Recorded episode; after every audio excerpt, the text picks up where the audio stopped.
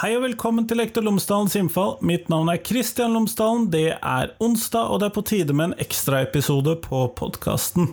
I dag så snakker jeg med Elisabeth Lindland. Hun er tredjekandidat for Miljøpartiet De Grønne i Agder. Hun er lærer, og hun har jeg fått med på podkasten for å snakke litt mer om den praktiske skolen. Dette kom eh, Ulrikke Torgersen inn på i eh, hennes episode om Miljøpartiets skolepolitikk, men jeg ville rett og slett høre mer om det.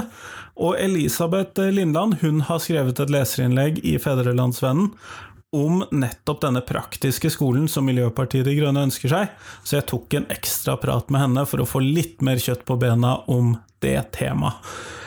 Ellers, podkasten er som alltid sponset av Cappelen Dam Utdanning, og hvis du går inn på tverrfaglig.cdu.no, så finner du alle de oppleggene og ressursene som Cappelen Dam Utdanning har laget i forbindelse med fagfornyelsen i videregående skole.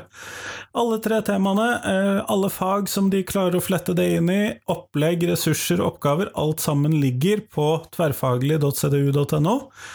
Gå og sjekk det ut. Det er mulig at du allerede har tilgang til det ved at skolen, kommunen, eller, skolen eller fylkeskommunen din har betalt for det, men hvis ikke, prøv en sånn prøveperiode, så ser du om det er noe interessant for deg der. Tverrfaglig.cdu.no, altså. Her kommer intervjuet med Elisabeth, vær så god.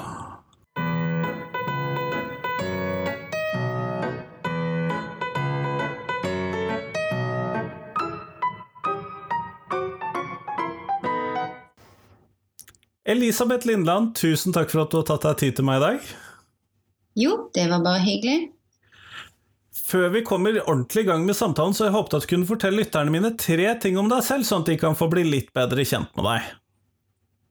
Ja, eh, jeg har jobba som lærer i ungdomsskolen i 25 år nå, og jobber fremdeles som lærer her. Eh, underviser i matematikk, kunst og håndverk, engelsk og samfunnsfag.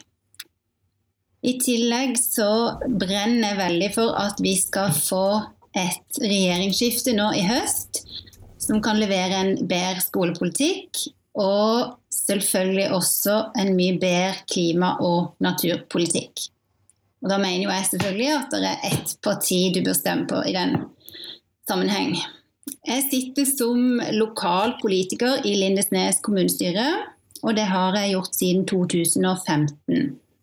Det har gitt meg ganske mye innsikt og erfaring i å måtte prioritere mellom mange viktige og gode saker eh, når vi har ei slunken kommunekasse. Skal vi slå sammen eh, klasse på ungdomstrinnet? Skal vi dra på leirskole mer enn én en gang på ungdomsskolen? Eh, blir det penger til helse- og eldreomsorgen? Osv. osv.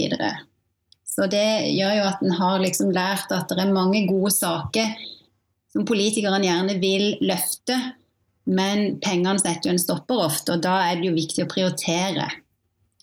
Og så står jeg jo da på eh, tredjeplass på stortingslista for Agder MDG. Ikke helt en sikker plass, vil jeg anta. Nei, nå har vi ligget inne med to representanter fra Agder, fra MDG. Så det er jo kjempebra, og da kan jeg risikere å komme inn av og til som vara. Jeg hadde faktisk ikke tenkt trodd at det var så høyt som to heller, sånn at dette er jo ganske spennende. Veldig. Eh, og du, du, tar jo opp noe som er ganske viktig her, fordi at jeg som lærer så tenker jeg jo Vi har jo alltid løsningen, vi i klasserommet, og politikerne må forstå den. Men du peker jo på noe som kan, være, som kan komplisere det litt. Ja, du tenker på prioriteringer? Ja, jeg tenker på prioriteringer. Jeg syns det var en spennende vinkling. Ja, for det er jo det som det kommer eh, ned til i bunn og grunn. Altså hvilke saker vil ditt parti løfte når de har eh, ikke penger nok til alt sammen? Vil de øke lærertettheten? Vil de satse på etterutdanning? Altså hva, hva går de for? Nettopp. Eh, vi er jo i denne samtalen fordi at uh, du har skrevet et leserinnlegg om praktisk opplæring. Uh, og hvor du da skriver at du ønsker å satse på mer praktisk opplæring. Og hva tenker du på da? Altså det, det, kan jo si litt om bakgrunnen for det. da. Vi fikk innspill fra lærere som sa at eh, på noen ungdomsskoler så var det elever som trengte et mye mer praktisk undervisningsopplegg. Men et sånt tilbud det var ikke tilgjengelig. Eh, og elevene det da var snakk om, det var elever som ikke fikk godt utbytte av den vanlige undervisninga. I tillegg til at de andre elevene i klassen ble påvirka. Eh, og vi kjente som politisk parti også til at det hadde vært en del velfungerende praktiske undervisningsopplegg som var lagt ned av ulike årsaker.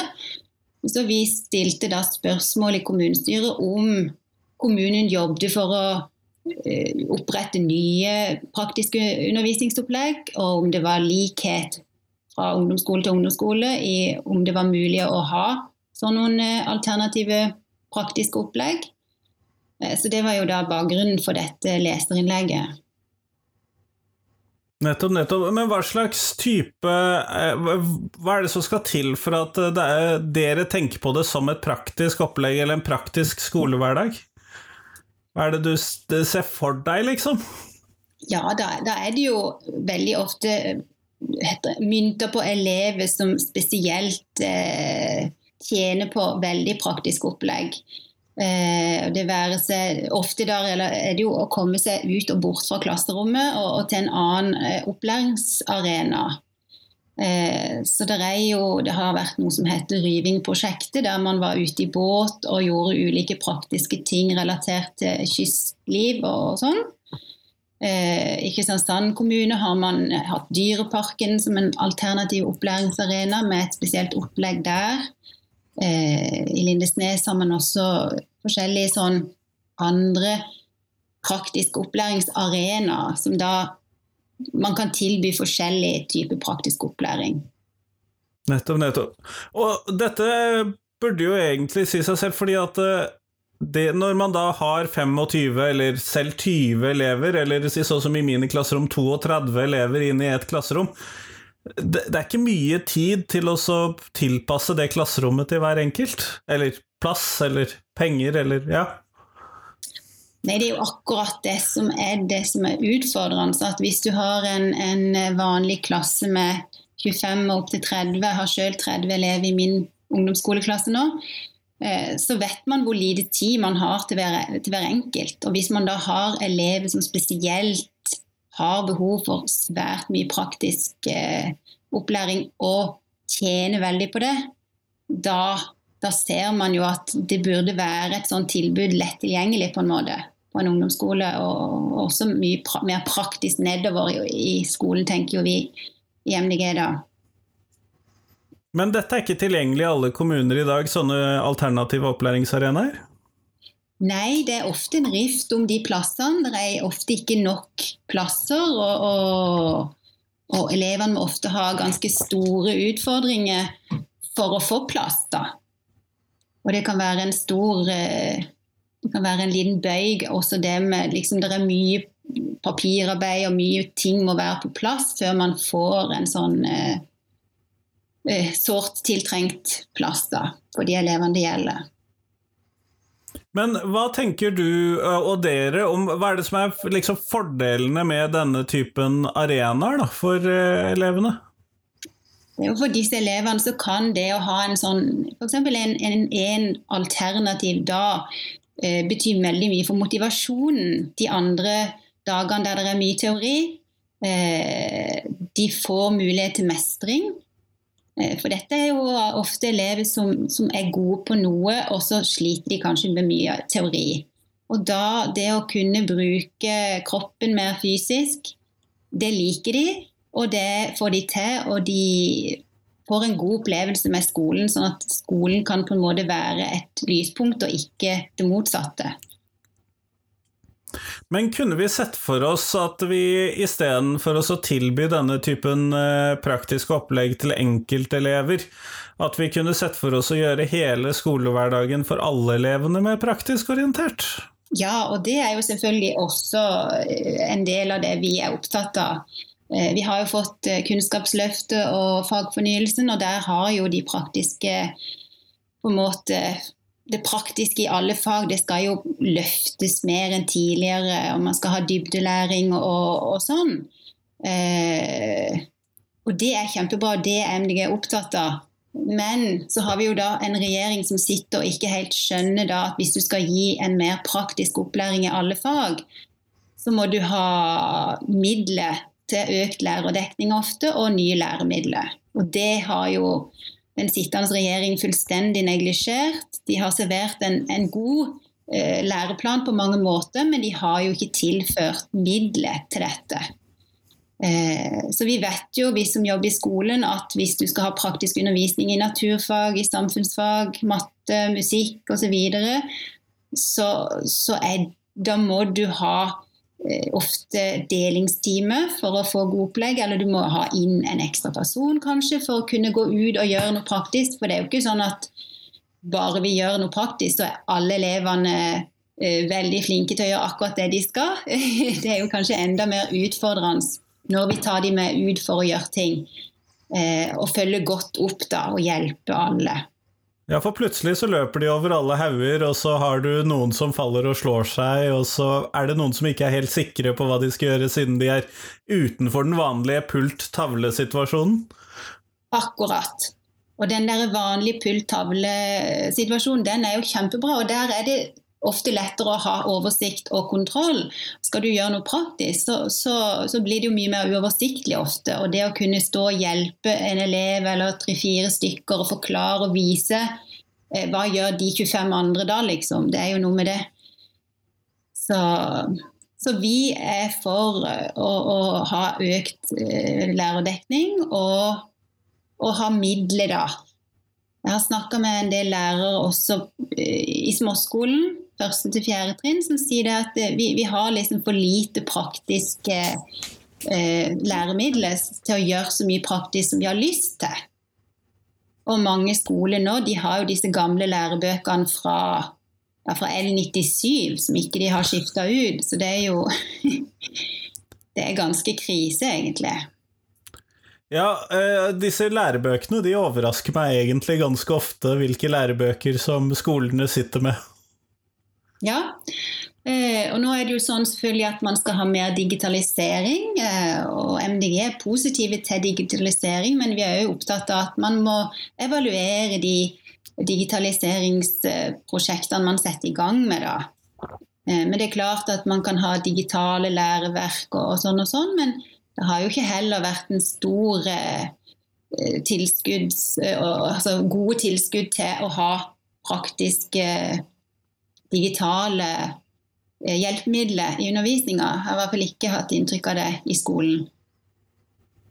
Men når dere da eh, ønsker en mer praktisk undervisning og større grad av sånne alternative opplæringsarenaer eh, for de elevene som har behov for det, eh, er dette da også med håp om at, de da vil, at vi vil få ned frafallstallene, f.eks.? For, eksempel? for det har jo vært en problemstilling som har vært ganske synlig framme nå det siste halve året, særlig.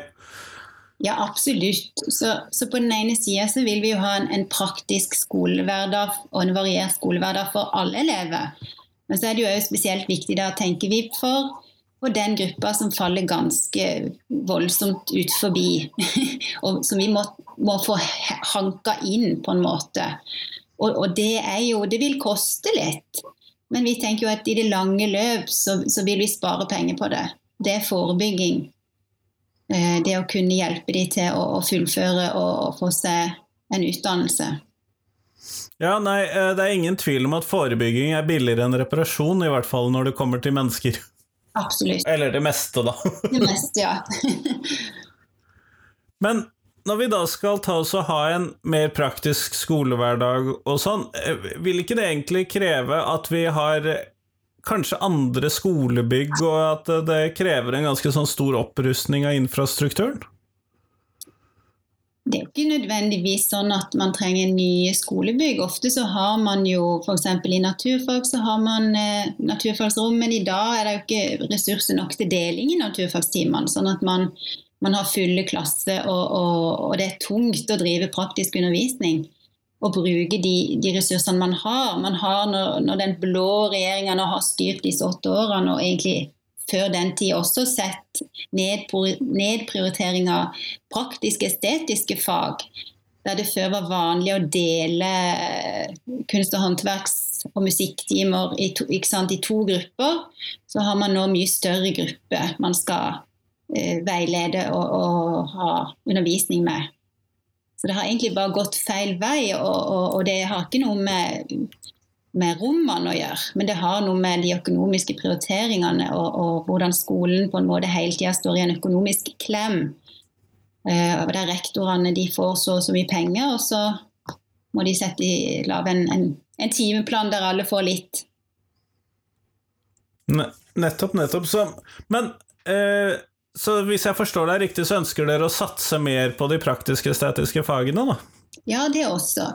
Eh, så MDG vi har jo programfestet at vi ønsker å tilrettelegge for praktiske arbeidsmåter i alle fag ved å legge til praktiske ferdigheter som en sjette grunnleggende ferdighet, rett og slett. I dag har vi jo fem grunnleggende eh, ferdigheter. Det er jo lese, skrive, tale, digitale ferdigheter og regne. Og så mener vi også at en praktisk ferdighet, det er viktig. Men, og dette leser jo jeg litt som en sånn, hva skal vi kalle det, oppgjør med Høyreskolen, eller også til dels Arbeiderpartiskolen, hvor det har vært et veldig stort fokus på engelsk, norsk og matematikk. Helt riktig. Ja. Så, så, så det er jo sånn som vi, vi reagerer på, på den ensidige eh, fokuset på den, den blå skolen, da. Eh, der det på en måte er noen fag som er mer saliggjørende enn andre. Og dette kan jeg si som mattelærer sjøl, at eh, matte er viktig, men det er så mye, mye annet som også er viktig. Eh, og vi har elever som er knallgode i matte, som vi kan vi skal hjelpe og løfte de til å bli så gode de bare kan, men vi må òg forstå at det er mange ferdigheter som er viktige i det nye samfunnet vi skal ha. Og det å, å, ta vare på praktikerne, det vil ofte være viktig med tanke på en del elever som, som tjener spesielt på praktisk opplæring. Da. Men også de flinkeste elevene de syns jo det er flott med variasjon, og de liker jo praktisk opplæring, de også. Så, så det er jo ikke noe negativt for de. Sånn dette er eh, Det å ha et større fokus på det praktiske er på, på en gang eh, både for å tilfredsstille de som har behov for noe egentlig noe annet enn skolen, samtidig som det er for å øke motivasjonen til både de skolefaglig litt eh, svake elevene, i mangel av et bedre ord, og de skolefaglig litt sterke elevene, i mangel av et bedre ord. Ja, så det er egentlig et uh, kinderegg Altså, det er bra for alle. Men det mangler jo veldig ofte lærere som har uh, fagkompetanse både i praktisk-estetiske fag, men jeg mistenker at det er ikke så mange som har praktiske undervisningsformer som en del av lærerutdanningen sin. Nei, og, og der har vi fått inn i vår, vårt program da, at vi ønsker et videreutdanningstilbud uh, som også dreier seg om praktiske fag. Uh, det er jo veldig mye altså Til og med de som er kunst- og håndverkslærer eller musikklærer, det har jo skjedd en rivende utvikling med nye, ny teknologi og, og, og sånn. Og, og, det er behov for eh, oppdatering, faglig oppdatering som ikke er så lett for en, en vanlig lærer å på en måte bare ta og lese seg til på, på kveldene. Det å få, få, god hjelp til å, å få faglig oppjustert seg i de praktiske fagene, det tror jeg vil være veldig flott for den norske skolen, hvis flere lærere fikk mulighet til det. Elisabeth, er det ikke da Eller hvordan skal man da kunne Dette kommer jeg til å klippe bort.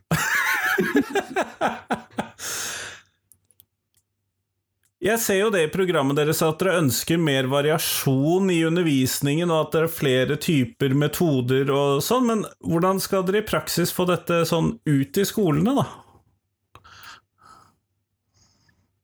Ja, eh, jeg tror jo at alle lærere de, de, ønsker å ha en variert undervisning. Eh, og Det kjenner jeg meg veldig igjen blant mine kolleger. Vi, vi, vi, vil jo veldig gjerne klare å fornye oss, og vi vil levere god undervisning som ikke bare er det samme om igjen om igjen. Men det er jo noe med ressurser. da, hvor, hvor kan vi få tak i hjelp? Og ofte nå er det jo digitale læremidler som vi, vi, vi bruker. Og det er jo utrolig mange flotte muligheter der. Som matematikklærer så har jeg jo sett hvor fantastisk det var når, eh, når jeg kunne gi eh, han gutten i klassen min som ikke likte å regne mattestykker i skriveboka si, når vi hadde om funksjoner, og vi kunne leke oss i GeoGebra og bruke de digitale mulighetene der, det var jo helt fantastisk for han. Og han blomstra når han kunne gjøre det. Og det tenker jo jeg at det er gull. Det er veldig mye bra når det gjelder digitale læremidler i skolen. Eh, men så er jo også MDG litt sånn skeptisk da til at hvis når læreren setter i gang og bruker alle disse forskjellige hjelpemidlene, eh, så tenker jo vi at vi bør ha en evaluering av hvordan dette fungerer.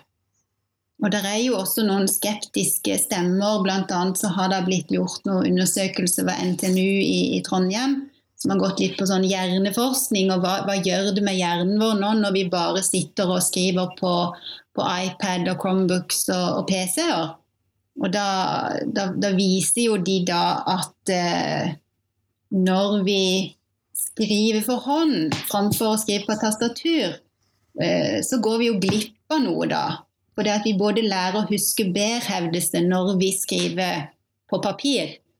Så da tenker jo vi i MDG at vi bør jo lytte til litt sånn skepsis som har vært i forhold til de digitale hjelpemidlene, og ha et sunt forhold til det når det gjelder det med variasjon i skolen. Så ja, vi vil bruke masse digitale hjelpemidler, men vi må vurdere hvordan det fungerer. Og kanskje noe av det vi har gjort før, har fungert vel så bra, og så må vi ta vare på det. Generelt så kan jeg jo si litt om at MDG er opptatt av at når vi innfører noe nytt i skolen, så må det evalueres. Det har jo vært masse nye læreplaner, vi har hatt seksåringene inn i skolen. Og, og, der har vi vært veldig opptatt av at det har ikke fungert bra. Eh, og, og, det har ikke blitt gjort eh, grundig undersøkelse i hva det har betydd for barna når de begynte som fem og et halvt åring osv.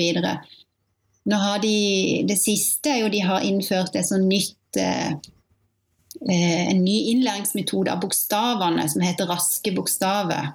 Eller rask, rask, ja. Og da dreier det seg om at du lærer bokstavene i første klasse dobbelt så raskt som det de gjorde før. Og da har jo noen språkforskere og Dysleksi Norge vært skeptisk til det, om det vil være bra for de elevene som, som eh, tenderer til å utvikle dysleksi og sånn. Vil det være bedre for de å, å, å ta det litt mer rolig og ikke så raskt? Så Vi tenker jo egentlig at når nye ting innføres i skolen, så må man vurdere om dette er hensiktsmessig og bra, og så må man endre på det. Og ikke bare holde på det fordi at nå skulle vi gjøre det, hvis vi ser at dette ikke er bra. Med tanke på hvor lite evaluering jeg egentlig etter hvert har oppdaget at vi har i den norske skolen, sånn av disse forskjellige reformene og endringene vi gjør, så vi, får vi da et lite etterslep som dere må ta igjen. ja, det er sant. Men jeg tror det er viktig at, at man vurderer det man holder på med. I hvert fall sånne store omlegginger som det vi da tenker på her. Nettopp. Men av sånne praktiske ting så ser jeg også at dere ønsker skolehager, eller iallfall støtte til skolehager.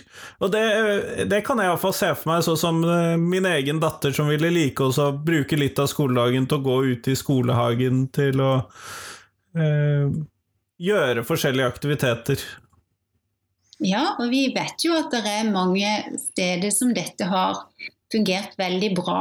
Og i noen land er det mye mer vanlig enn i Norge. Så vi ønsker å åpne opp for at det skal være mye mer mulig, da. Da må det jo inn litt styrking av midler til det. Hvis, hvis skole, skolene ønsker det. Det er jo ikke sånn at vi skal påtvinge alle nå til å ha skolehavet, men vi, vi ser at det kan være mange som har lyst til å prøve det ut, og da, da må det være mulig. Skjønner, skjønner. Men Elisabeth, vi går mot slutten av podkastintervjuet, og da hadde jeg et siste spørsmål til deg, det som jeg stiller til alle de jeg intervjuer. Og hva er de tre viktigste tingene som skolen lærer elevene? Ja, det var jo ikke et enkelt spørsmål, da. Eh... Nei, det var det ikke meningen å være. ja, altså elevene de skal jo lære seg noe som er nyttig for den fremtida som de skal møte. De må lære noe som er relevant for de utfordringene de sjøl vil stå i når de blir voksne. og det samfunnet de vil møte, og den, det arbeidslivet de skal ut i. Eh, og så syns jo vi at de tre hovedkomponentene i fagfornyelsen er veldig bra. Dette med livsmestring og folkehelse. Det med demokrati og medborgerskap og bærekraftig utvikling, det er jo en utrolig viktig grunnstein i et samfunn som gjør det at vi står i stand til å leve gode liv. Vi vet hva som er bra for oss, hva vi ikke bør gjøre i forhold til folkehelse. Hvordan skal vi spise, hvordan skal vi være mot hverandre. Eh, det at du er del av en større enhet når du bor i dette lille landet vårt. Det at vi tar ansvar for hverandre. Og selvfølgelig at vi, vi, tenker på at vi kan ikke bare bruke opp alle ressursene her og nå, men at vi skal ha bærekraftig utvikling og ha et godt samfunn også for de generasjonene som kommer etter oss. Og så er det jo sånn at vi, vi ønsker at barna skal, og de unge skal lære seg hvordan de skal lære nye ting. For vi vet jo at det er helt umulig for skolen å lære alle alt de skal kunne når de blir voksne, for ting endrer seg jo hele tida. Så det at du har endringskompetanse og kompetanse i å tilegne deg nytt lærestoff og nye ferdigheter, det er jo òg kjempeviktig. Kjempeflott. Tusen takk for at du tok deg tid til meg, til meg i dag, Elisabeth. Det var bare hyggelig.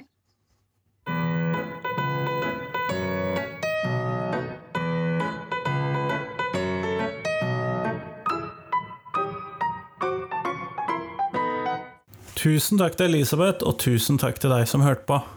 Nå lurer jo jeg på hva du tenker om Miljøpartiet De Grønnes skolepolitikk, og hva med alle de andre partiene?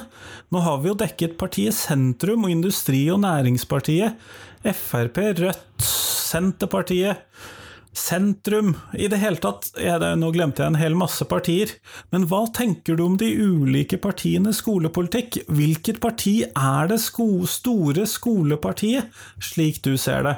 Det vil jeg gjerne høre litt om, hvis du gidder å sende meg en melding. Så kanskje vi kan ta det med på podkasten hvis du har lyst til det. Ellers, eh, nå er det fram til fredag, så kommer det et ordinært eh, podkastintervju. Da snakker jeg med Ulrika Gustavsson fra Oslo OsloMet og pensjonert sosiallærer på en skole i Nittedal. Eh, vi skal snakke om sosialt arbeid i skolen. Det kommer på fredag, det gleder jeg meg veldig til. Men i mellomtiden, del podkasten min med noen som du tror vil sette pris på den. Da blir jeg veldig glad. Men fram til fredag, hei hei!